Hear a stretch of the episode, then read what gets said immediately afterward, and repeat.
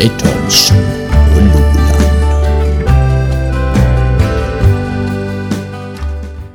Velkommen, velkommen, velkommen.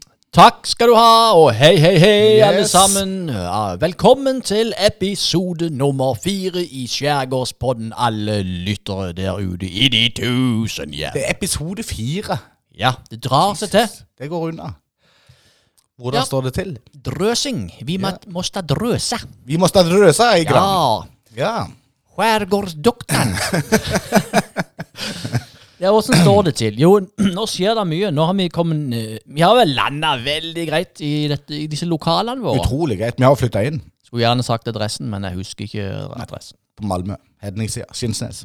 Ja, Utrolig flott. rett Er der omkring. Det er jo rett bortenfor den bedriften på sida av den bedriften. Yes. eh, rett bort forbi den, som er, den bedriften som ble lagt ned for, på, for en stund siden. Ja.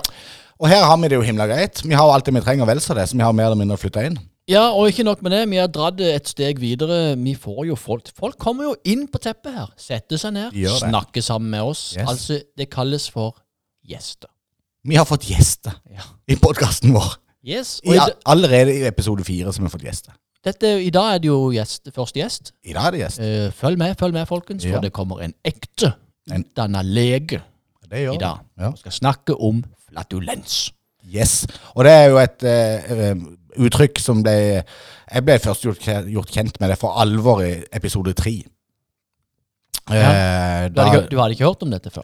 jo, det var noe som demra, liksom. Jeg har hørt om fising, altså, men liksom også sette det på et menneske, da. Sant? Du ga flatulensen et ansikt, og det har jeg jo savna. Jeg har aldri opplevd det før. Ja, og nå skal legen sette et enda uh, tydeligere ansikt på dette, så vi ler litt. Men før det. vi er nødt til å ta opp en ting som vi var innom i episode én. Ja. La oss gjøre det. Da sikter jeg til oljeskift, hvor ikke jeg spilte dum, eh, men jeg mente jo at eh, er det sånn at man må ligge under denne bilen? For du fortalte da i episode 1 om hvordan denne prosessen foregikk med å skifte olje på en bil, og så måtte du skru fra hverandre, og så måtte du ligge under der, og så være sånn. Og så fikk jeg vondt i ryggen. Yes, eh, tradisjonelt god mekanikervirksomhet. Så nå føler jeg vi henter inn ting fra første episode og tar det videre. Det er jo akkurat nøyaktig det vi gjør. For det, vi fikk en tilbakemelding. Fikk Ja. en veldig kjapp tilbakemelding fra En lytter, en lytter. Tommy Antonsen. Ja. Eh, for vi sier ikke navn. Nei. Nei. Men eh, Tommy sendte inn en, eh, en liten eh, et bilde til meg. Mm -hmm. Ingenting annet. Bare et Mhm. bilde Mhm. av en, en pumpe -hmm. med en lang slange på. Ja. Så du henter ut olja ifra toppen. Mhm. Så du slipper å gå under bilen. Ja. og, og, og undertegnede satt jo her og lo av idioten Thomsen, som, som trodde at vi måtte ta opp olja fra toppen. Og det kan man faktisk gjøre. Og det kan man gjøre. Så nå ble det jo vi som ble idioten til slutt. Karma. Så man kan hente en pumpe på Biltema, eller hvor den måtte være, og så kan man dra et slags vakuum gjennom denne pumpa, og så voff ovenifra og ned. Ja, så er det bare å tømme bilen. Ingen problem. Dette visste jo ikke jeg da, så føl meg dum. Yes. Tilbake til flatulensen. Men jeg er bedre i ryggen. Du er bedre i ryggen, ja. Det er, Ja. Godt, å- det er jo ikke Jo, det er jeg. Jeg er langt bedre i ryggen Ja, for enn du fikk jo òg vondt i ryggen. Mellom episode tre og episode fire, som jeg er i nå, så har jeg hatt kolossalt vondt i ryggen. Ja. Et realt gammeldags vred. Vi som følger det på Snap, vi har jo sett eh, all denne flaskeflyttinga og flaskepantinga, og s- ikke minst spylinga. Yes. Det er jo tunge løft Ja, for en eh, aldrende mann, det er det. Så du fikk en knekk. Jeg fikk en alvorlig knekk. Mm. Men eh, jeg står eh, på beina, det vil si jeg sitter eh, greit. Det ordner seg. Ja. Alt går bedre med tida. Og så føler, jeg ikke at jeg er alene om det. det. Tusen takk for det, Loland. Det skal du ha litt æren for.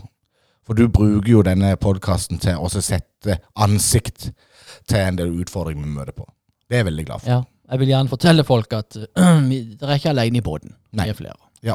Som regel hvis du har noe, et eller annet du tenker på sjøl, et eller annet problem, eller whatever, Yes. eh, så er det det samme som Da vet du at det er mange andre òg som gjør det. Og i forrige episode så løfta du opp flatulensutfordringene. Vi er alle i samme båt. Yes. Og da måtte vi ta steget videre. Jeg ble såpass gira på denne praten vi hadde angående flatulens, at jeg tenkte vi må løfte det opp et hakk. Vi må løfte det opp til et medisinsk nivå. Ja. Så vi kan forstå dette på en eh, helt uh, sånn medisinsk måte. En vitenskapelig måte. Ergo dagens gjest. Ergo dagens gjest. Ja. Som er selveste doktor Lindland. Ja. Skal vi høre hva han sier? Var det Stian Lindland? Stian Lindland, Stian eller doktor Lindland. Lindland som jeg kaller han. Det må jo være sagt, Jeg var jo ikke til stede når dette Du var skjedde. ikke til stede. Nei. Jeg tok han inn på, i studio her i skjul og hadde en veldig oppklarende samtale rundt flatulens sammen med doktor Lindland, som for ordens skyld satt i studio i full legeuniform. Og jeg har, jeg har lagd jingle òg til det. Da hører vi på den først. Ja. Mjau. det er alltid gøy å få besøk av flinke folk og entusiaster i Skjærgårdspodden.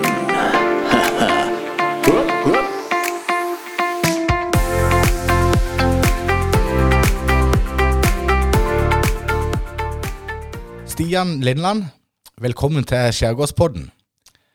Spesialist i allmennmedisin, praktiserende fastlege. Og du er kommet til oss her i dag eh, av en sak som vi tok opp i forrige eh, episode av Skjærgårdspodden. Og da var det rett og slett eh, gamle Lolandmann som hadde massevis av tanker om flatulens. Og han påsto at eh, det kunne kanskje være todelt, at eh, flatulensutfordringene ble økende med alderen. Han er jo nå den alder av 48 år, og han mener at det, var, det kan være eh, sånn alderen som gjør at eh, den flatulensen øker, og, men det kan òg være at du blir så gammel at du bare eh, i gåsetegn driter i at du har litt eh, flatulens, og at ikke du gidder å kamuflere det så mye. Og nå er du kommet her, Stian Linnan. Velkommen til oss. Tusen takk for det, Endre. Det er jo uh, veldig kjekt å snakke om såpass interessante temaer som flatulens, som du kaller det for det. Det er jo slik at eh, har Jeg må bare avbryte med en gang der. Jeg kommer på en sånn digresjon. Men med, en- bare du sier ordet flatulens, så er jeg såpass medisinsk uforsvarlig, så jeg begynner jo å smile med en gang. For jeg er jo fremdeles såpass barnslig at jeg syns flatulens er veldig gøy. Men du som lege, du klarer å holde det alvorlig når du snakker om sånn type tema, antar jeg. Vi har jo veldig lang, eh, årelang trening der på å holde masker når vi snakker om pinlig tema. De første to-tre årene i medisinstudiet handler stort sett om å trene på å holde masker med, med pinlig tema. Så det er ikke bare lett, altså. Det er ikke det. Ja. Men tilbake til flatulensens verden. Riktig. Ja, så kan jeg si Det er jo eh, svært gode spørsmål, og kanskje noen av de eh, viktigste spørsmålene man eh, stiller seg sjøl når en når midten av livet omtrent. Midten av livet er et interessant tema i seg sjøl. De sier at midten av livet er 50. Det er jo sjelden sant. Da er man jo ganske langt over. Men mennesket ligger jo og lurer seg sjøl, da. Tenker på at man er halvveis i livet. Ja. Og livskvalitetsmessig, men i hvert fall over halvparten.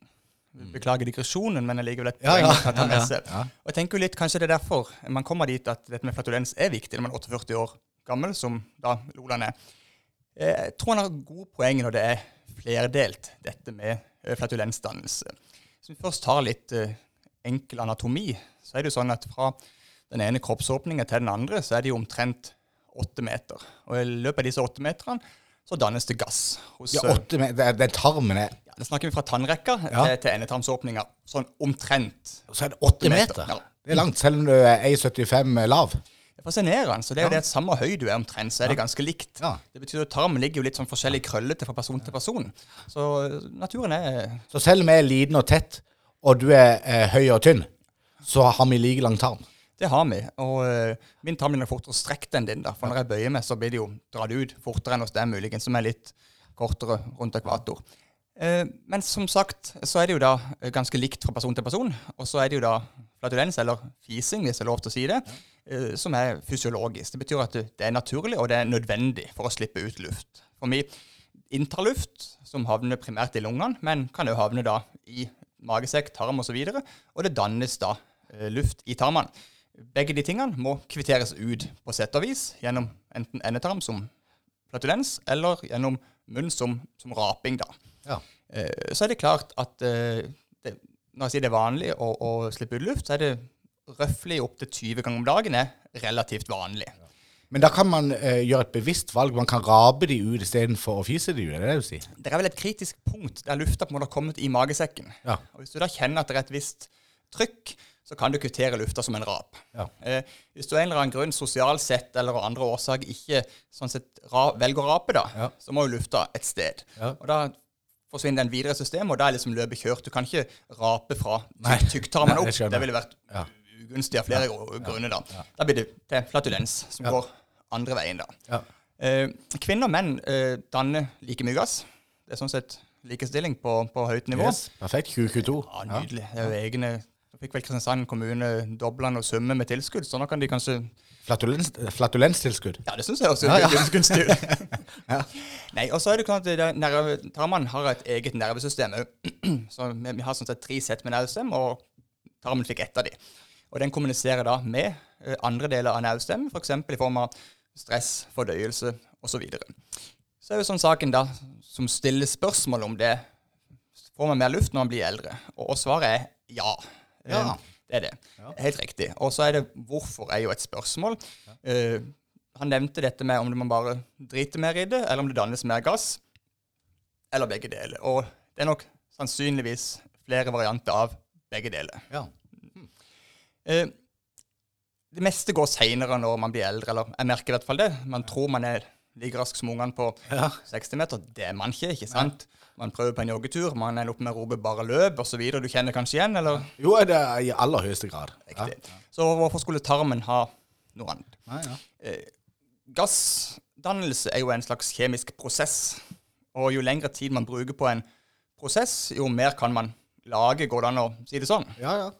Så fra du begynner å tygge på et eller annet mat, ja. til den har på en måte kvittert ut i form av flatulens eller avføring, eh, så tar det lengre tid. Altså transitten, transittida fra munn til analåpning tar lengre tid når man blir eldre. Ergo dannes det mer gass. Litt matematisk, kjemisk sett, da. Så det er et poeng. Eh, Det andre er jo hva spiser man når man blir eldre? Eh, Når vi er eh, i en slags dannelsesfase tidlig i livet, og vil en gjerne kanskje prøve å se så noenlunde greit ut. Man vil kanskje spise litt sunt og tenke litt på at en skal bli eldre, men når man kommer til et visst nivå, så er det vel mer nytelse som står i sentrum. Om det er masse løk og kål og kjøtt osv., så, videre, så så tenker vi kanskje ikke så mye på det. Nei. Og måten en spiser på, ikke sant? Når en sitter der med kjæresten og er 17, så spiser en kanskje litt pent og tygger godt og svelger, ikke sant? Mens du trykker gjerne inn et stort gap og sitter og gnafser løs, ikke sant? Og du svelger både mat og luft og, og det som måtte være. Ja. Og da inntar man mer luft nødvendigvis. Ja. Så har du et poeng til. Når du er eldre, spiser du mer grisete, og du får mer luftsvelgt. Ja. Mm. ja, hva betyr det å spise mer grisete? Altså, Jeg sier det, Endre. Uh, det er jo veldig sånn sett eh, stigmatiserende når jeg sier at gamle folk spiser grisete. Ja. Men de er litt gamle sjøl òg. Ja, ja. Ganske gamle, egentlig. Så da har vi lov til å si det. Jeg tenker Det handler mer om, om lyd, blant annet. Du, du spiser tygger med med åpen munn. ja, jeg skjønner. Ja, ja. da, når du tygger Samle med åpen mer luft. Riktig. Så for hvert tygg du tar, så er det ikke bare mat du tygger. Du tygger en ny mengde med luft som du gulper nedpå. Ja. Mens du kanskje tar og drikker noe vann samtidig som du snakker og spiser. Ja. Og Da blir det jo veldig mye som havner i det sorte hullet. Yes. Altså det mer luft i magen. Ja. Eh, så sånn sett så er du inne på, på et, et par poeng der. Og så- er det jo klart at eh, da er vi inne på å etablert et eh, økt gassdannelsesnivå Ja. hos eldre. Og så kan vi jo tenke på viser vi det mer? Men å fis, å bli oftere tatt i fising er jo ikke det samme som å ha mer flatulens. Nei. Eller hva tenker du om det? Nei, for det, det, som, det som jeg sitter og tenker på nå, det er hvis gamle Loland-mann nå går på Jysk, eksempel. Ja. Og så kjenner han at mav, i mavsekken mavesekken så dannes en haug med luft. Så- før liksom den prosessen er, før lufta er blitt pressa for langt ned, så kan han i prinsippet velge å kjøre den ut i en rab. Mm. Eller så kan han, fordi han er 48 år, velge å bare drite i det, og så lar han gå rett ned i flatulensen. Og slippe seg inn på Jysk. Helt riktig. Og slipper du på Jysk, så er det jo et kjempespennende prosjekt. Ja. Hva slags gass er det snakk om? Aha. Vi har mange typer gass i tarmen, men for å dele det veldig enkelt inn, så har du eh, metan, Ja. som smeller, Yes. og så har du hydrogen disulfid, Aha. som lukter dritt. Råtne egg. Aha. Så når Loland står der og kikker på madrassene, ikke sant, og velger å slippe Og du kan ikke Altså, du kan styre til en viss grad eh, rab eller fis, men du kan ikke styre eh, hydrogen kontra metan, var det det? eh, metan mot eh, hydrogen disulfid. Ja, sant? Så, og, du, og du kan ikke styre det. Du, altså, Tankene kan ikke bestemme deg for at du skal slippe en eh, luktfri. Det er som Arne Billego sin eh, forundringspose i sin tid. Du vet ikke hva du får. Det er fantastisk. Men da tror jeg vi avslutter med det, doktor Lindland. Tusen takk for utrolig grei oppklaring på dette flatulensproblemet til gamle Lolandmann. Skulle bare mangle, og takk for at jeg fikk lov til å komme.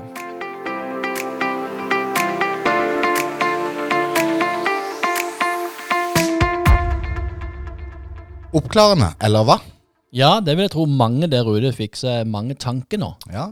Og, og hvis det står noen, en eldre dame eh, eller eldre mann foran deg i køa på butikken, og eh, det blaffer litt i frakka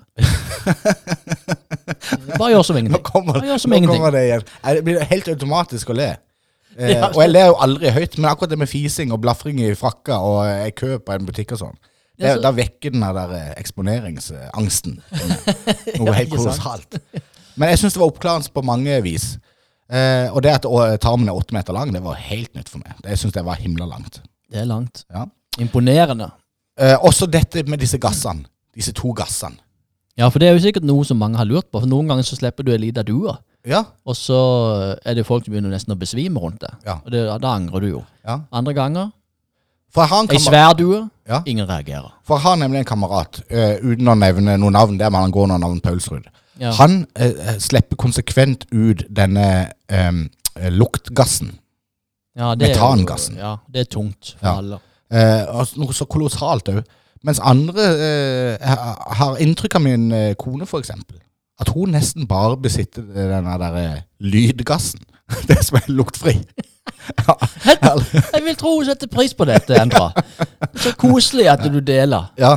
Utrolig viktig at vi gjør oss unna med dette før hun blir for god i norsk. tenker jeg. yes. Å, deilig. Eh, det, det er et lite tips da, eh, på tampen før vi runder av denne her underbuksepumpehumoren. eller hva det er for noe. Ja. Eh, det er at du kan bruke fyrstikk. Du, da brenner du opp gassen. Ok. Hvis noen bønner noe som lukter vondt, så fyrer du et fyrstikk, og så veger beveger du fyrstikka litt rundt det. Ja.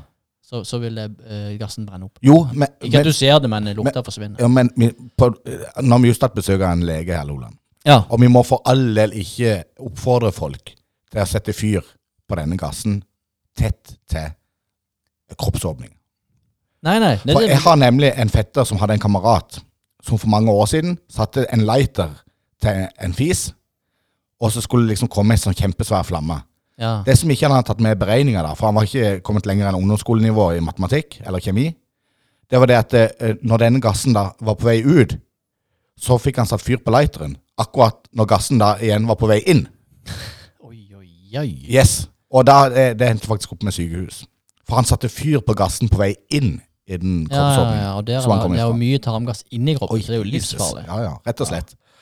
Så, eh, Det skal man, man kan ikke spøke med det. nei. Nei, så det, vær forsiktig der ute. Men man kan fyre opp uh, gassen, det er det du sier. Hvis det Ja, etterpå. Ikke, eh, etter at han kommer nå ut i rommet. Ja, ah, Kan du gå rundt inn på Rema med sånn fyrstikkeske når hun gamle damer med frakka står foran her? Det begynner å blafre. Vil du utrykning fra brannvesenet òg? Nei, de har pine. Vær forsiktig. Yes. Men du gjør mye rart, du. For i dag så var det tilfeldigvis at Endre var på lokalet her. Eh, Ja. Gledeshuset, som vi kaller det. Det er sånn arbeidstittel. Mm. Her i andre etasje på Gledeshuset. Mm. Hvor uh, alle som har lyst til å ha kreative ting gjort for seg, bare si ifra. Ta kontakt. Vi gjør det meste. yes. Eh, men så plutselig må endres det. Ja, For da skal han til Marnardal. Ja. Hæ? Marnardal? Ja, jeg skulle på og hente Hva heter det for noe? Unni Wilhelmsen. Unni Wilhelmsen. Jeg skulle bare hente Unni Wilhelmsen. Wilhelmsen. Vimhelsen. Unni ja, Wilhelmsen. skal skulle bare hente Unni. Ja, Mhm. Og Steinar Raknes. Og. Steinar Raknes, som er bassist. Ja. Og så bare forsvinner han, og så leverer han de på Mandal hotell. Og sier 'vær så god, her har dere deg. Ja. Og så kommer han bort her. Ja. Og så var du bekymra for det at du hadde ikke gitar med seg. Ja, og det er fremdeles. Jeg er bekymra for det. For jeg skal jo tross alt arrangere en konsert med Unni Wilhelmsen og Steinar Raknes nå i kveld. Og Steinar Raknes kommer jo med Norges største bass. Altså sånn kontrabass. Nå i kveld, og så si datoen, da. Ja, altså nå i kveld eh, det, I dag er det mars. jo eh, 4. mars. 4. mars så Så når dere hører dette, så er konserten ferdig. For lenge siden. Ja. For ei uke siden. Ja. Eh, men eh, når jeg kommer da opp for å hente dem, så har jeg jo valgt det strategiske sjakktrekket med å bytte ut en eh, sånn en transporter, Volkswagen Transporter, til en personbil. Og så kommer jeg opp til for å hente dem, for det er jo bare to stykk. Eh, og så tenkte jeg ikke over, jeg tok ikke med i beregning at Steinar Raknes spiller jo eh, konsekvent kontrabass. Han hadde med seg kontrabass. Ja, ja, så jeg angra jo nokså umiddelbart på det bilbyttet. Eh, men Unni Wilhelmsen er jo sprek. Så hun sier det gjør ikke noe. Jeg sitter bare i sånn Hiawata-stilling oppå den kontrabassen i baksetet på den personbilen. Så det gjorde hun, helt ned til Mandal. Og jeg tror faktisk hun sovna på veien òg, så hun har gjort det før antageligvis. Livet på veien. Yes. Life on the road. Men det er jo det som er så deilig med dette livet, at man kan gjøre litt forskjellige ting, og så, plupp, så er man tilbake igjen her i podkaststudio. Ja, det er jo helt Og gjør det, og gjør det man liker best i hele verden. Mandal. 100 år.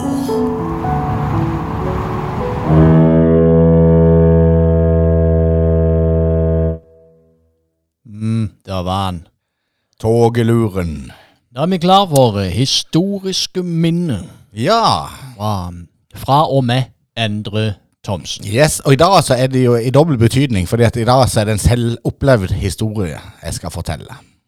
Sier du det? Det har en historisk svung over seg, at det er mer enn noen dager siden det ble opplevd. Og så har det faktisk litt sånn historisk svung over seg òg, fordi det hadde det ga litt sånn fotavtrykk i Mandals historie, spør du meg sjøl, da. Ja. Nå har jeg veldig lyst til å si det sagnomsuste eh, sagnom- ordet sagnomsust. ja. Men det må du bare si. Jeg syns du skal si sagnomsust. Ja, fordi at vi skal tilbake til den sagnomsuste puben Sjøboden Mandal, Ja, Er det fra den tida, når du var som undertegnede dreiv. Du var jo administrerende direktør Administrerende for den i, direktør. i en lang, lengre periode. Yes, i seks år. Og, og jeg var bookingansvarlig. Ja, Du kan ikke bare si seks år. Dette er historie, uh, Endre. Fra 2012 til 2018. Takk skal du ha. Yes. Ja. Um, en digresjon til det da, jeg overtok det. Sjøboden var aldri stengt mens jeg overtok. Kan jeg bare fortelle det eh, først? ja, det er jo historie, det òg. For det var 13. august 2012. Det var rett etter Skallefestivalen. Eh, og jeg hadde bestemt meg for Jeg hadde jobba i utelivsbransjen i 12-13 år eller noe sånt i Mandal. Og jobba i barnevernstjenesten. Jeg var egentlig liksom ferdig med utelivsbransjen, følte jeg. Ja, Så for jeg hadde ja. bestemt meg for at det var den siste Skallefestivalen jeg skulle jobbe. Jeg hadde jobba tolv Skallefestivaler på rad. Uh, pluss, pluss, pluss. Så jeg tenkte nå gir jeg meg med utelivsbransjen. Og samme dagen som Skallefestivalen endte, i 2012, så fikk jeg en telefon fra Elisabeth Kjellby, som hadde drevet Sjøboden i 17 år. Men uh, du må jo legge til du sier har jobba i utelivsbransjen i Mhm. mange år. Hvor? Jeg jobb- Puben Mandal. Puben? Du var på puben, ja. Puben. Jeg trodde du var ansatt på Sjøboden, og så skulle du ta over. Jo da, vi kommer til det. Men jeg Ja. starta min eh, utelivskarriere på puben Mandal da jeg var 18 år. Og da hadde jeg som primæroppgave å eh, vaske askebegeret. For det var lov å røyke inne. Og Martin Behnsen, den legenden av puben Mandal, han var veldig manisk opptatt av at askebegrene måtte være rene. Og jeg husker han alltid sa det, at hvis du har en ren bil, så holder du den ren. Samme er det med bordene. Hvis du vil ha et rent bord, så må du holde askebegerne rene. Så min primæroppgave det var å gå og stable disse askebegrene hvert femte minutt. Inn i baren, vaske de, ut igjen. Så Ja. sånn holdt jeg på. Ja. Eh, og så vandra jeg videre, så jobba jeg litt på Sjøboden og jobba litt forskjellige plasser. Og i 2012 så jobba jeg på Sjøboden, og så hadde jeg sagt ifra nei, nå gir jeg meg i utelivsbransjen. Og samme dagen som jeg egentlig ga beskjed om det, så fikk jeg en telefon fra Elisabeth Kjellby, som hadde drevet Sjøboden sammen med sin mann Benning Kjellby i 17 år. De ville da gisse med Sjøboden om jeg var interessert i å overta.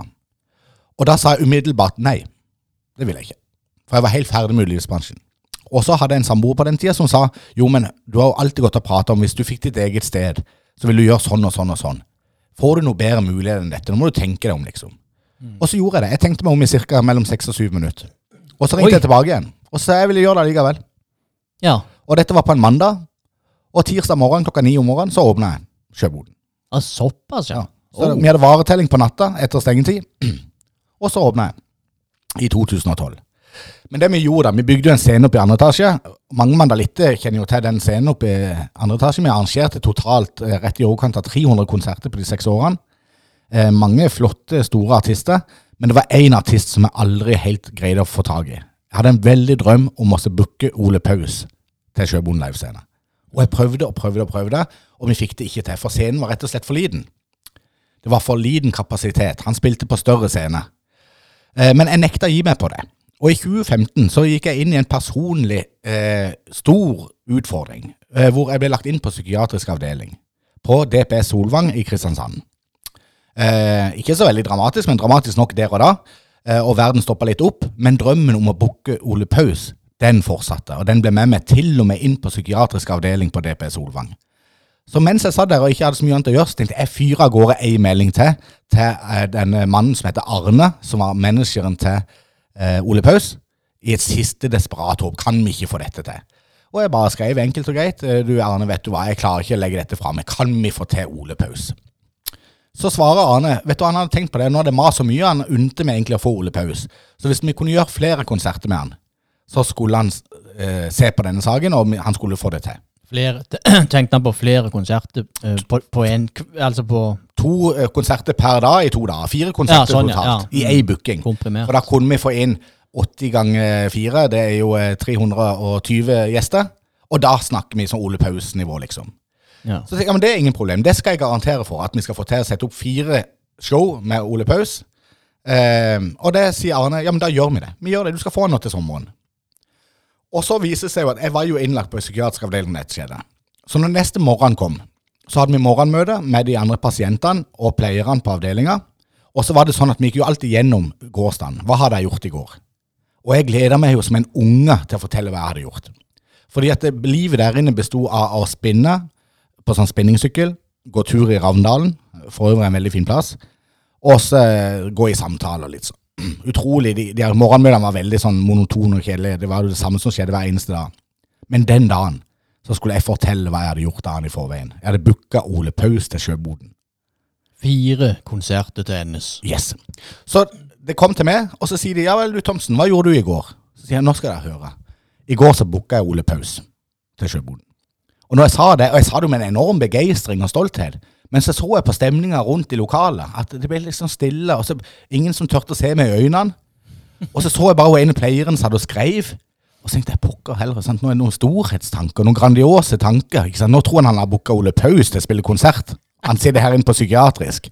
Oi, oi, oi. Det er ikke bare tvangslidelse her. Her har vi noen andre greier òg vi må ta tak i.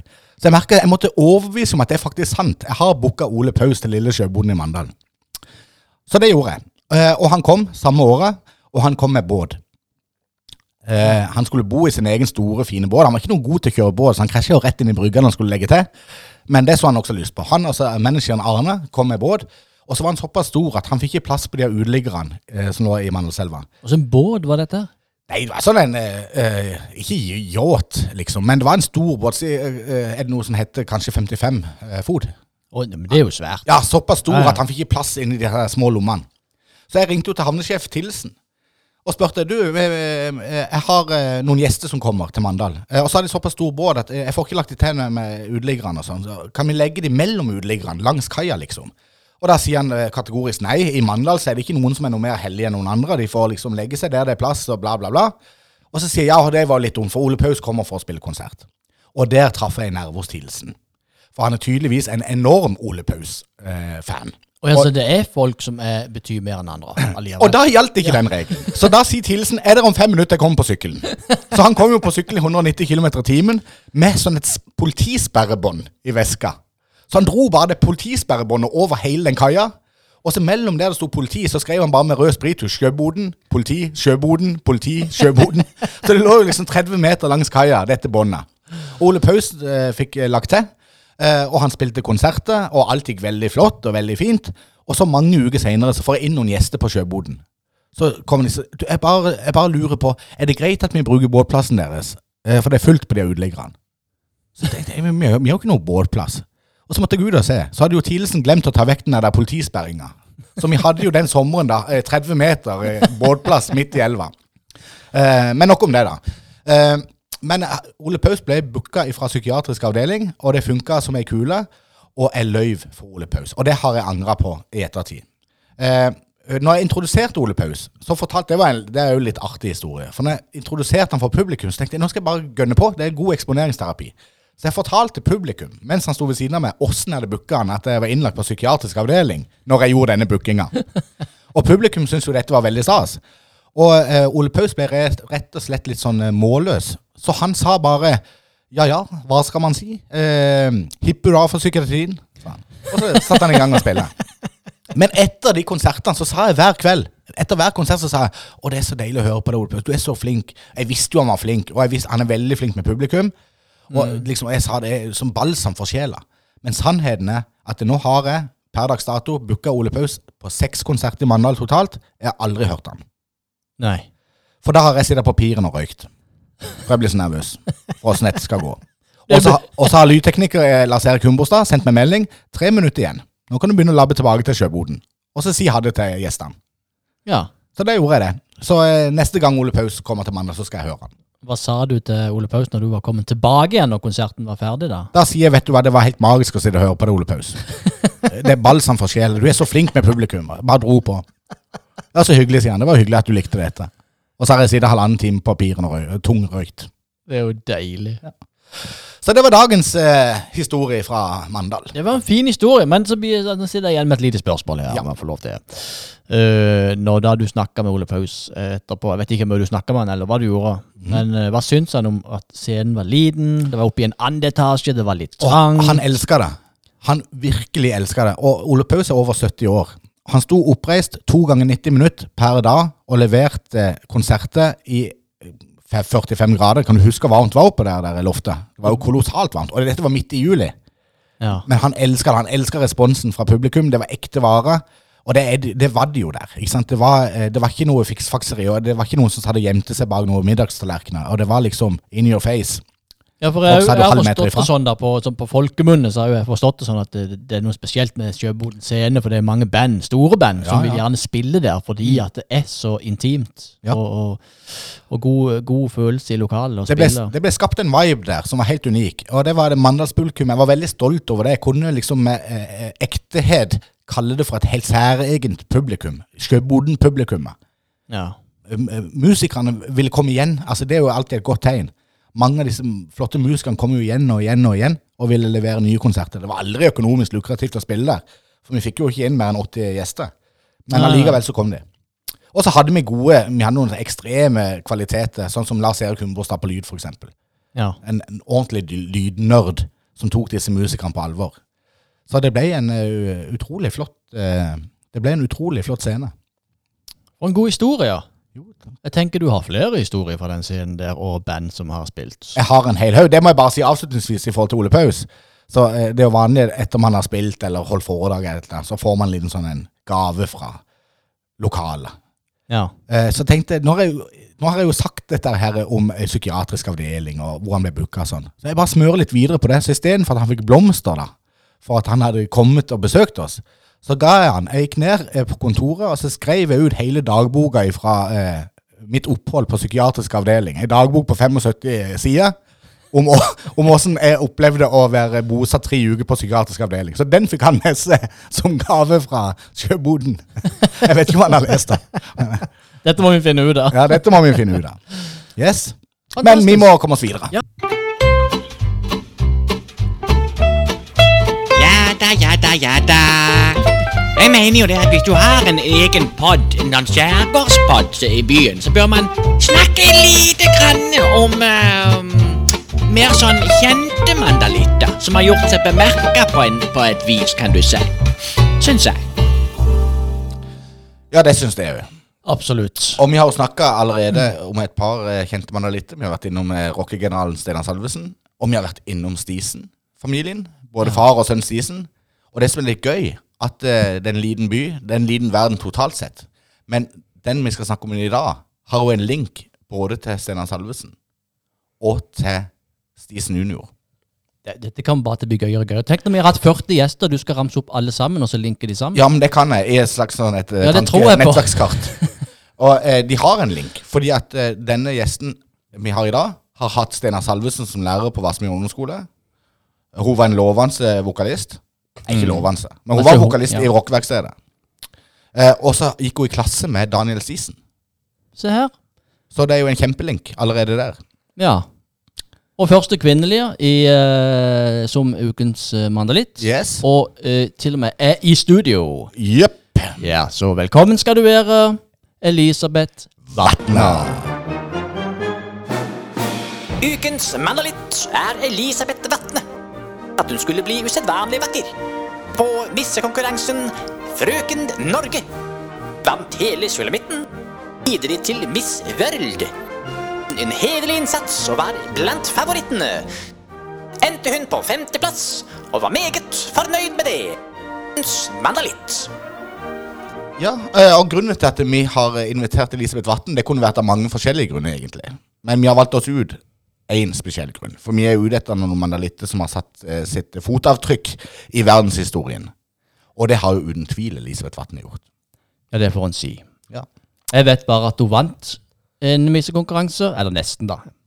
Uh, uh, men du har jo veldig Hun vant jo en missekonkurranse. Hun vant jo Miss Norge. Ja, ja, ja. Elisabeth. Ikke bare én. Ja, jeg gjorde det. Ja. Helt riktig. Og vi skal tilbake til det herrens år av 2003.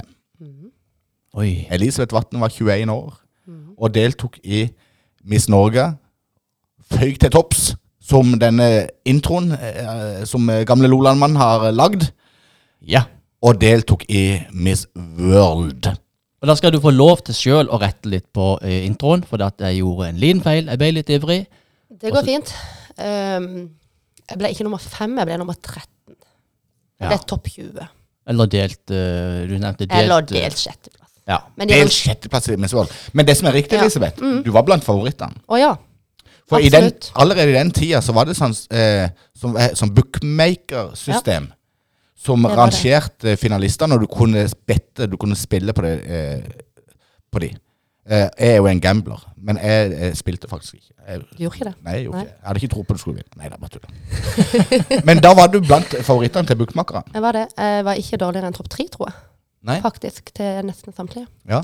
Mm. Hun som vant, var jo ei flott dame. Du har hatt litt kontakt med noen av disse her? eh, Ja, du- når eh, Facebook dukka opp, så var jo det veldig gøy. For Ja. da kunne vi jo få kontakten igjen. Akkurat hun som vant, har jeg ikke hatt så mye kontakt med. Det var jo eh, Irland. ja. Mm. Og hun var dattera til Christy Berg. Lady in Red. Lady in Red. Yes. Mhm. Interessant. Men det, du må fortelle litt om hvordan det var å bli kåra Først og fremst åssen det var å bli kåra til Frøken Norge. For Frøken Norge eksisterer fremdeles, men på den tida der så var det en stor greier. Ja, det var veldig stort. Det var jo eh, Se og Hør, og det var jo på TV, og det ble jo gjort eh, Lagd tre sånne episoder som ble sendt på TV Norge i forkant av finalen, på en sånn halvtime, 45 minutter, vel. Hvor de ble kjent med deltakerne. Eh, så det var jo på en måte veldig stort. Og når jeg vant, så ble jo jeg valgt av folket. Skulle til Miss World, og så ble jo juryen valgt jo da den som skulle til Miss Universe. Men hva foranledninga for Miss World? Nei, for uh, Frøken Norge. Mm. Fordi at du hadde jo liksom en uh, Du var 21 år da, men allerede da så hadde du jo figurert i litt sånn modelloppdrag og litt Ja, ja, sånn. masse. Og du, var det det liksom du hadde ønske om å satse litt Nei. på? Nei? Nei, nei, nei. Jeg skulle aldri flytte ut av Mandal. Nei? Det skulle jeg ikke. Det ligger vi. Det, var, Eh, det viktig. Men jeg syns det var gøy å gå catwalk. Jeg syns det var gøy å ta bilde.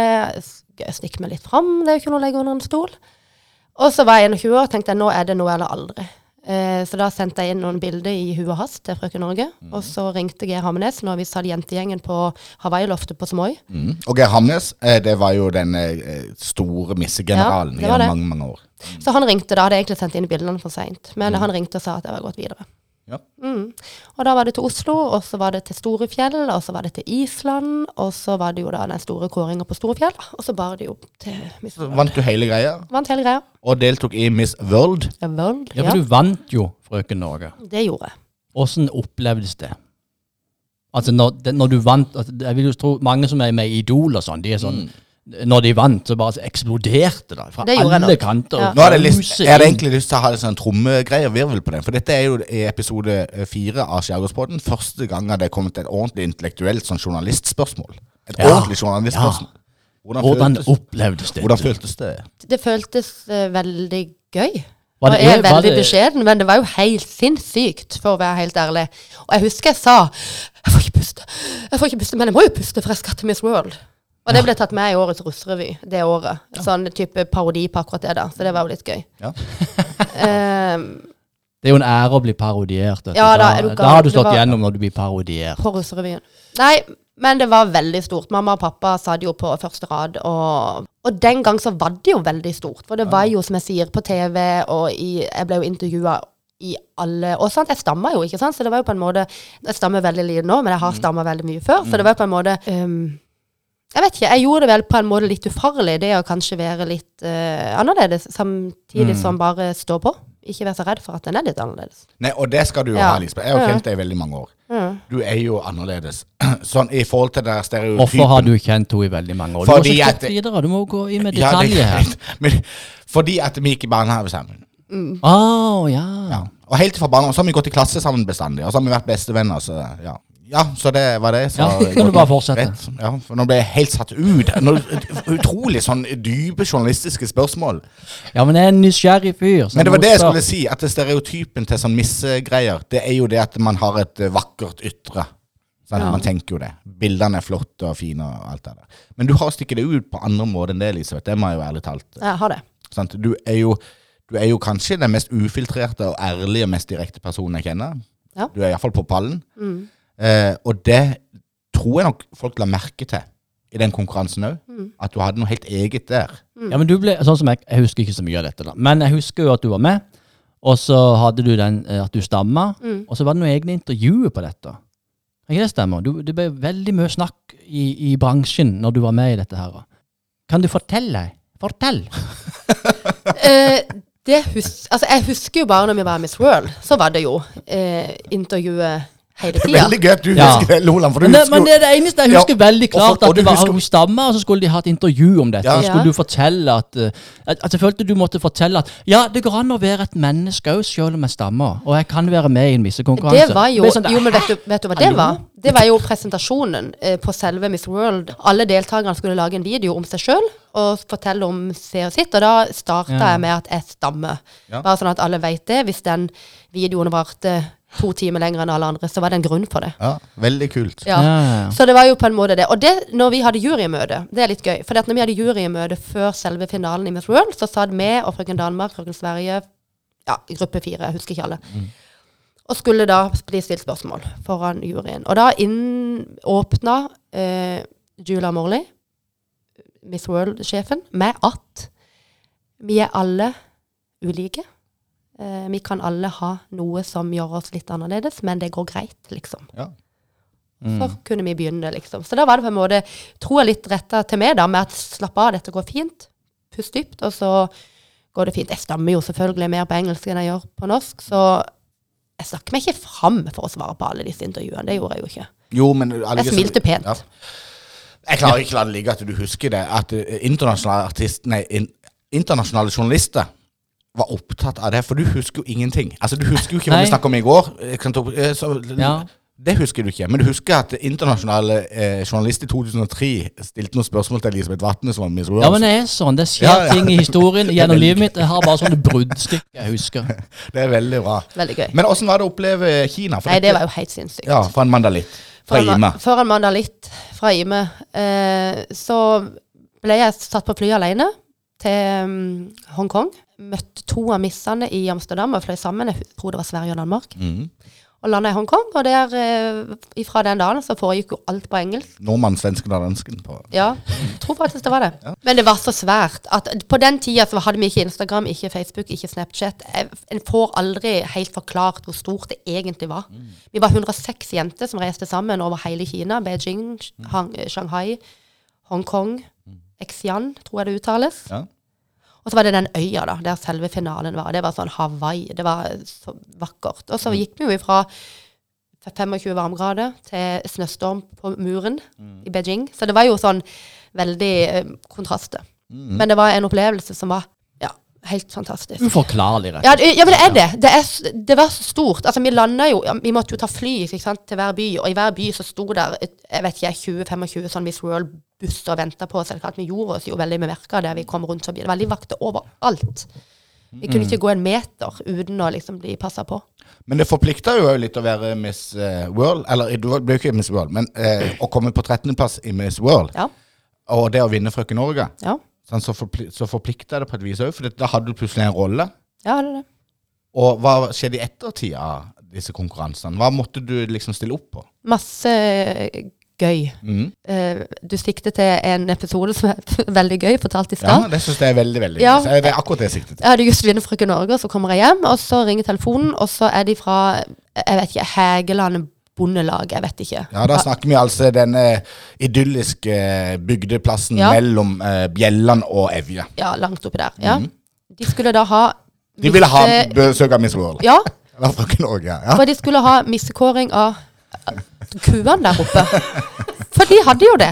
Jeg vet ikke om det var penest jur, eller om det var penest Jeg vet ikke. Det er fantastisk. Helt fantastisk. Så jeg stiller jo opp da med nye negler og høye hæler og klar for å premiere denne kua. ju, og jur. Og jur.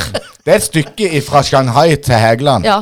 Men det var jo Men det er jo veldig nydelig, da. Ja, ja. Ja, veldig gøy. Men det, og det sier egentlig veldig mye om det som person. Ja, det er veldig gøy. Ja, Sånn det er det et når sørlendinger vinner missekonkurranse. Da stiller de opp og Yes. ku, gjør det. Og da skulle, da, da skulle du henge da dette eh, eh, båndet som egentlig det, det, kan vi få tatt bilde av, for det har du faktisk med deg. Men da skulle du liksom henge et sånn premierebånd over det fineste jura. Husker det ikke helt, men sikkert noe sånt. Mm. Ja. Men det var faktisk på TV 2-nyhetene. Det er veldig gøy. Men var du med og valgte ut Nei, hvilken har ku som var finest, eller, eller skulle du bare stå og så det, Har ikke øye for sånt. Si gratulerer. Og si skinne. Stå og skinne på et jorde på Hægeland i lett yr. Det var nok det jeg gjorde. Ja, det er fantastisk. Så av alle de hundrevis av oppdragene du fikk inn, så valgte du da Så var det det. Så var det det. Eh, men uh, i ettertid, Ja. eh, hvordan uh, gikk det med modellkarrieren? Nei, den ble lagt på Altså, modellkarrieren har vel egentlig Altså, en missekonkurranse er ikke en modellkonkurranse. Nei. Det er veldig viktig å skille. Ja. Um, så jeg har på en måte aldri vært noe modell. Nei. Det har jeg ikke. Nei. Og det har jeg ikke hatt noe ønske om heller. Ja. Jeg er for hjemmekjær til det. Men hva, hva, hva liker frøk, Frøken Norge anno 2003 å gjøre i 2022? I dag, Mhm. Det vi gjør i Mandal Gå tur i Furulund, eh, er på på sjøen om sommeren, Passer på tre nydelige barn. er med venner, er med barna mine, med Marius. Mm. Ja. Vil God liv. du eh, da eh, Du har to døtre. Mm. Og en Vil du sønn. pushe de fram i eh, misseverden? Hvem er penest og vakrest i byen her, i verden her, i Norge her? Eller vil du prøve å skåne de for den turen? Oppmerksomheten. Altså, hvis du takler det, skal jeg være helt ærlig, hvis du takler det sånn som jeg takler det, Mm. med å ha begge beina planta på jorda, og ikke tro at du er bedre enn noen andre, selv om du har en tittel, så tror jeg det går veldig greit. Mm. Ja, En nydelig avrunding der, eh, Loland. Ja, det vil jeg absolutt ja det vil jeg si. Ja. Tusen takk, Elisabeth Vatne, for at du tok deg bryet til å komme over her i studio til Skjærgårdspodden. Ja, men i og med, eh, må bare få lov å ta den linken du snakker om, eh, siden du har vært vokalist i, eh, Kråkjelleren, så Ja. hvis du vil avslutte med å dra en låt, Nei. så nei. Ja, og det, tingen er at Hun har jo en elefanthukommelse, så hun husker jo garantert den låta som hun stilte opp med under eh, Vassmyra Grand Prix i 9. klasse. Eller åttende klasse, eller det var. Det var jo Bye Bye Baby. Yes, Yes. akkurat. En norsk versjon av det. Bye bye baby, baby, baby, goodbye. Yes, og jeg spilte jo gitar i det bandet. Jeg kunne de tre grepene som krevdes for å gjennomføre den låta. Gikk det videre? Nei, men var det ikke litt sånn som i, i, i tidlig Miss World, at det ble sånn delt eh, plass? Godt være. Delt sisteplass. Det var nok delt sisteplass. Ja, det. Nei, tusen hjertelig takk, Elisabeth Vatne. Eh, Dette var stas for oss. Veldig gøy.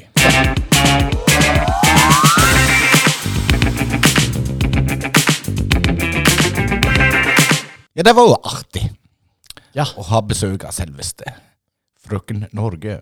Ja, vi har Vi, vi snakker om at vi har et veldig vidt spekter i denne podden her. Fra flatulens til Miss World. Yes. Så jeg føler vi, vi begynner å fange nokså breit nå. I manges øyne så er jo det å vinne en missekåring, eller gå ifra fis til missekåring, kanskje noe av det bredeste man kan gå ifra. Ja, det vil jeg si. Ja. Um, og var- celebert, det er jo det er en slags Det er jo en kjendis. Ja, det blir jo det. Hun nevnte jo, eh, når hun gikk nå, så nevnte hun jo litt om eh, hvor stort det faktisk er som på verdensbasis. Og det? Hvor mange TV-seere var det ikke på? Ja, for det er vanskelig å fange inn egentlig og svært det. Men det, hun snakka om at det var to milliarder Ja, Det er jo helt ekstremt. som så dette på TV. Finalen, da. Ja. Det er jo helt sjukt. Det er helt sjukt, faktisk. Men, og det minner meg på når vi har kjendisbesøket, så ha, kan ikke du fortelle om den gangen når du møtte en av dine største idoler? Som Altså, da snakker vi musikk. Ja. De første CD-plater var med det norske bandet Dance with a stranger. Yes. Og så var du så heldig at du møtte Så møtte Selveste noen elg. Ja, jeg, jeg, vi møtte Vi var en kompisgjeng som reiste på guttetur på toget. Vi skulle på Ellen Jackson-konsert i Stavanger. Og på veien så, så Nei, på veien, sier jeg. På toget da, så var jo Dance with a Stranger. Så, og det var jo stort. Eh, Jeg blir jo enormt starstruck. Og det var jo fantastisk. Vi prata ikke så mye med dem på toget, da, men når vi kom av, så tenkte jeg jeg må jo benytte sjansen. Eh, Mine store helter. eh, Og ta en selfie. Og så fikk vi hooka tak i elg. Og så, så, sto, ja, så, så ga jeg telefonen min til en kompis, og så må du ta bilde, sa jeg. Må ha bilde med elg her. Så sto jeg liksom der på sida av elg, og ja, det var stas. Så tok han bilder. Og så reiste Ikke bare ett. Nei, nei, han tok flere bilder. Mhm. Og så reiste jo uh, bandet av sted. Mm. Og så må jeg må inn og se på telefonen åssen dette ble. Dette blir gøy. Mm. Og der var det tre bilder av kompisen min som eh, Han hadde kommet inn i selfie-mode. Han hadde Han hadde Tre tatt forskjellige grimaser. tre forskjellige eh, grimaser av seg sjøl. Så det er et godt minne å ha. Det er fantastisk. Så det er ikke alltid det går som man håper. Jeg blir veldig glad.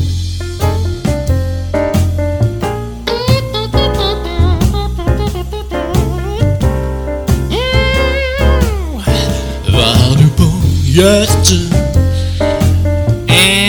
Thomsen. Mm. Hva har du på hjertet, gamle Loland-mann?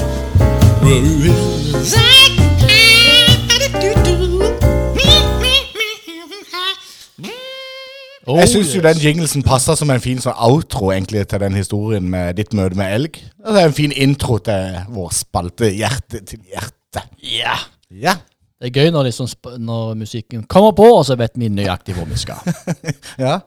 Har du noe på hjertet? Ja, jeg har noe på hjertet. Ok. Har du noe på hjertet? Jeg har en hel haug på hjertet. Hvem skal gå først? Loland. Ok, da kjører jeg. Eh, jeg skal snakke så vanlig, så, så er det ikke så dypt. Men eh, jeg skal snakke om tid. Ja. Og bruk av tid, og eh, bruk av andres tid. Mhm. Eh, for ja, både vi og du òg er jo tidsoptimister, som det kalles. Mhm. Eh, vi har jo en tendens begge to til å si 'jeg er der om to minutter', og kommer om et kvarter. Ja. Og i den forbindelse da, så, så skal jeg snakke Nå føler jeg du er grei, for jeg har aldri opplevd at du har sagt jeg kommer om to minutter, så er det om et kvarter. Men jeg har jo opplevd at jeg har sagt ja, at det er der om to minutter. ja, så jeg er jo en tidsoptimist, og jeg kan være han som kommer seint òg, men jeg har lært. Jeg skal fortelle en historie som gjorde at jeg lærte dette. For når jeg var ung, det er jo veldig lenge siden, mm. men uh, da jeg, eh, jeg jobba ut ute på, på Nycomed, som vi kalte det den gangen. Noen kalte det ennå. Vi sprang ligger Nycomed. G yeah, Healthcare, Yes. Mhm. Og da jobba vi eh, var min en gjeng Ammershavn. Mm. Hæ? Ammershamn. Ammers, Ammersham, ja. Det hadde òg hett. Mye Ja. rart. Og Da jobba jeg i, i en avdeling der ute. Vi jobba tolv timers skift. Ja, fra, fra seks om morgenen til seks om kvelden, eller fra seks om kvelden til seks om morgenen. Og vi var en flott gjeng som jobba der ute. Det var mange folk eh, fra Mandal og Vigeland eh, i min generasjon, og det var noen som var litt eldre, både jenter og gutter. Vi var en flott gjeng. En god tid. Eh, og, der, og så kjørte vi sammen. Vi jobba to og to sammen. To på dagskift, to på nattskift. Og da fikk jeg, jeg ble liksom litt uh, oppdratt av disse folkene, de som var litt eldre spesielt. da. Mhm. Eh, for jeg, jeg var jo alltid litt seint ute. Mhm. Og så avtaltes vi å møtes, med og en i- fra Vigeland. Så jeg plukker det opp, siden sier jeg tar klokkesletta. Dette burde vært filma, for nå pekte du mot Vigeland. Ja. og. Lever meg inn her. Ja, ja. Mm. Jeg har jo dårlig hukommelse, så jeg må jo jobbe litt for å, for, for å få det inn dette her. Og, ja, greit det. Og så, og, og så kommer jeg kjørende. Jeg bodde i Holum på den tida. Det er jo en lang historie. Jeg skal ikke ta den uh, akkurat nå. Nå pekte du mot nord. Ja. Ja. Hvis det er gestikuleringer, det det det heter. Gestiku... Et eller annet. Vi er nødt til å filme dette. Ja. Eh, og så kommer jeg da uh, selvfølgelig ti minutter etter at uh, vi egentlig skulle avtaltes i, i Nei Nå roter jeg for helt. Men jeg, kommer ti minutter for seint, i hvert fall. Som vanlig. Ja. Og greia var at akkurat den dagen så var det kaldt, og det regnet som ei bøtte, som vi kan si. Og der sto denne karen, gjennomblød og fæl. Og han hoppa inn i bilen, og da fikk jeg passet mitt påskreven. Ja. Ja. Som han sa til meg. Altså, hvis jeg visste at du kom ti minutter for seint, så hadde jeg jo sittet inne i varmen Ja. fram til du kom. Men jeg hadde ikke stått her og blitt gjennomblaut. Og dessuten så hadde jeg tenkt å ta ut av, opp, eller ta ut oppvaskmaskinen òg. Ja. Men det lot jeg være. For jeg måtte jo gå ned til veien for å møte det, for du skulle jo være her på det tidspunktet. Ja. Ja, Så nå har jeg ikke fått tatt ut oppvaskmaskinen, og jeg er gjennomblødd. Altså, kan du være Før han skulle på jobb. kan du, ja, kan du være så snill å respektere tida mi, sa han. Og der lærte jeg noe der. Ja. Ja. For Det er det du gjør når du kommer for seint og sier at du skal være en plass, og ikke er der når du skal være der. Det er faktisk at du kødder med andre folks tid. Ja. Ja. Er dette me- mer eller mindre så indirekte måter å si at jeg må begynne å komme med på partier? eller? Jeg håpte jo at ikke du skulle treffe så hardt, men jeg tenkte hvis du tar det til deg, så er det vel en, kanskje en grunn til det. For man, man går jo hjemmefra for å komme til et sted til riktig tid. Mm. Og så er det jo flere ting man egentlig skulle ha gjort før man gikk, Yes. men man lar være å gjøre det. Ja. Fordi man må respektere oppmøtetida. Men eh, følte du deg truffen? Er det det du sier? Jeg følte meg særdeles truffen, så dette var jo en veldig god historie. Litt, eh, litt sånn kronglete historie på et vis, men òg en veldig sånn moralsk effekt. Ja, det var det jeg håpte på. Så, det- men det er En egentlig slags preken. Det er jo egentlig til alle der ute. At vi med alle må lære å respektere andres tid. Ja. Og noen vil jo si at eh, eh, Jan Erik, ikke uh, kast så himla svære steiner når du sitter i glasshus. Men det betyr bare at Jo, jeg har har Bruker du det sjøl som eksempel her på denne som robba denne Ja. tida til denne arbeidskollegaen din, så jeg syns jo det er ydmykt og fint. Jeg har selvinnsikt. Det er der det ligger. en, god, en god historie. Eh, Ja da. Ja. Og det var hjertesaken min. ja. Skal vi gå over til min hjertesak? Ja. Ja, jeg står og, og øh, sånn Og hva heter det for noe? At man står og uh, vagler, vingler, vingler. Jeg står og vingler mellom to hjertesaker. nå begynner du òg å slå ned ting. Ja, jeg, jeg står og vingler, sier han, så slår han ned mikrofonstativet. Ja, Men bilde. jeg har uh, en, en hjertesak som jeg har lyst til å ta opp. Og det er det sørlandske lynnet. Om at uh, vi ikke helt skal si det som det er. Vi skal ikke helt si det vi tenker. Eh, og jeg har vært så sinna så mange ganger at det var nesten like før jeg sa det til de jeg var sinna på. Ja, ikke- Og det har skjedd utrolig mange ganger. Og nå i det siste så eh, er det spesielt dette her med at de raserer skjærgården. Det plager meg. Nå skal de tas Hodviga, og så skal de liksom bare eh, rasere det. Og så er man, hvis man er imot det, så er man nærmest imot utvikling. Og det er det som plager meg eh, spesielt mye her. og- Men fortell litt. Jeg, jeg, føler ikke så mye. Men raser, er det noen som skal inn og bare ødelegge, og så skal de gå videre? Ja, de, skal, de, de har lyst til å flytte containerhavna fra Kristiansand til Mandal. Og det er liksom til og med ordføreren som er Arbeiderpartiet, Even Sagerbakken, som jeg har veldig dyp og stor respekt for. Han er liksom litt sånn positiv til det, for det skaper jo arbeidsplasser, bla, bla, bla. Og Ja, så det blir jo liksom Kristiansand kvitt containerhavner. Ja, de hater jo minst. Ja, selvfølgelig gjør de det. så- De skal ha det fint der inne. nå. Ja, men hvem er det som liker containerhavn? Altså, det er jo ikke noe eh, å like når du kommer med båten, og så må du passere, kjøre gjennom en svær sånn havn med, fylt med containere. Jeg trodde, de skulle, jeg trodde de skulle flytte den til en annen plass i Kristiansand, ikke kaste hele containerhavna Jo, men så plutselig åpner det seg opp muligheter her for at eh, Mandal, Lindesnes kommune har jo kjempeskjærgård som vi bare kan besudle. Så jeg er litt, eh, eh, jeg er litt eh, mot det. Og jeg syns at det å bevare ting, det er òg utvikling. For eh, Furulund, for eksempel, som ligger som et rekreasjonssenter, en oase midt inne i Mandal by, den, er liksom, den ligger der for at vi kan utvikle sinnet, og vi kan slappe av, og vi kan skape energi. Og det å ta vare på sånne plasser som det, det er òg utvikling. Ja. Og så til det neste, for det er liksom todelt hjertesukk. Det er jo at vi må tørre å si det. Og nå sier jeg det jo på en måte, selv om jeg ikke sier det til Even Sagerbakken. Ja. Det har jeg ikke tørt. Men det er like før at jeg sier det til han nå. Ja. For nå er jeg så sinna. Eh, men vi må tørre oss å si det oftere. Så derfor har jeg lyst til å si noe til det. Bring it on. Og det er at eh, jeg har møtt veldig mange mennesker de siste ukene som sier at å, Skjærgårdspodden, det var et friskt pust. Det var deilig å få inn noe sånn, liksom. Du og Loland er veldig gøye sammen og morsomme. Behagelig å høre på, litt sånn. Og så sier jeg det til alle sammen. Og det har jeg sagt til alle, bortsett ifra det. OK. Jeg At. Og jeg sier nesten det samme hver gang. Jon Erik Loland har jeg aldri kjent noe særlig. For du er jo nesten en generasjon eldre. Iallfall åtte år. Mm. Eh, men nå har jeg blitt kjent med det. Og du er en utrolig ydmyk og fin type. Og så er du naturlig morsom. Så gøy. og Tusen takk. Det var Så nå sa jeg det til deg. Og jeg har sagt det til veldig mange andre. Så tenkte jeg herregud, hvorfor skal jeg ikke si det til Jon Erik? Så til og med etter jeg er blitt hudfletta for at jeg kommer et kvarter for seint til avtale, for fem minutter siden så hudfletter du meg for det, så, har jeg, så er jeg stor nok til å se forbi det, og så gi deg kred for at du er en bra mann. Det syns jeg var flott. mitt hjertesukk, ikke ødelegg den skjærgården, og si det til folk hvis du har noe på hjertet. Så fantastisk uh, Hva heter det for noe? Når man uh, Det var litt sånn moralsvung over det òg. Jeg har, jeg har en ting til på hjertet som jeg har lyst til å ta opp. For, det, for eh, noen minutter siden, når du møtte elg, Ja. og tok, eh, fikk kompisen til å ta tre selfier av seg sjøl istedenfor bilder av du og elg, ja. så sa jeg Ja, og så fikk du tre forskjellige grimaser. Og så svarte du opp med å si ja, han lagde tre grimasjer. Ja. Eh, Sier du grima? Er, det Er det, er det heter det? Kan man Nei, si jeg tror, jeg tror du har rett. Grima. For det minner meg om sånn noen eh, Hva heter det for noe gamasje som du har på når ja, du går i fjellet? det er du er forfatteren det, er du som har rett. Jeg vet ikke.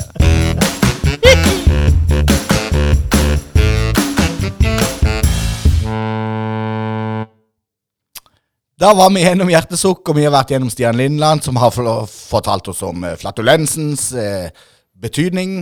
Ja, hatt besøk av frøken Norge. Yes, Elisabeth Vatne. Vi har eh, vært gjennom masse i dag.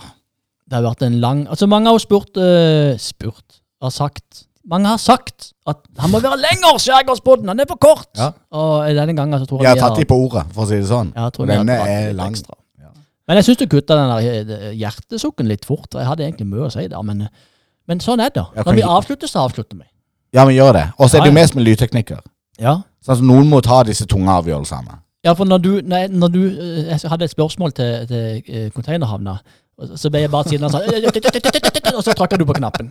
Så da Men du vi lar den henge, da? Ja. Containerhavna. Vi- kan jo ta den opp igjen Nei. med en annen episode. Eller Ja. et- på en annen plattform. Er Etter hjerte, etter hjertet. Hvor er vi den da? da er vi, er på avslutning, da. Vi er på avslutning. Ah, ja. Da må dere ha en fantastisk uke, folkens. Lytt opp alle episodene, og tusen takk for at dere lytter på oss. Du finner eh, Skjærgårdspodden på Spotify, og du finner Facebook-sida Mandal 100 år på 100 minutt, som er vår Facebook-link. Ja, den er vi nesten ikke nevnt. Nei, Det- inn sånn der er og kommenter. Ja, det kommer. Ja. Fin outro òg vi har. Utrolig fin. Ja. Så det blir varm i sjela å høre på dette programmet. Så ta helga nå med denne fine musikken og Ja, eller start uka. Ja, det er jo alt ettersom de, når de lytter det, Eller når de vil ja. eh, høre på. Skjærgårdspodden skal nå lyve. Så jo da, ja vel. Ja, det var sånn det ble. For Loland lurer på så mye. Og Endre Thomsen viser vei. Så ja da, jo da, men allikevel. Nei så Nei, vi må, vi må labbe hjem nå, for vi skal ete. Neste gang skal vi ha alt på stell. Og vi håper du ønsker å være til stede. Mm.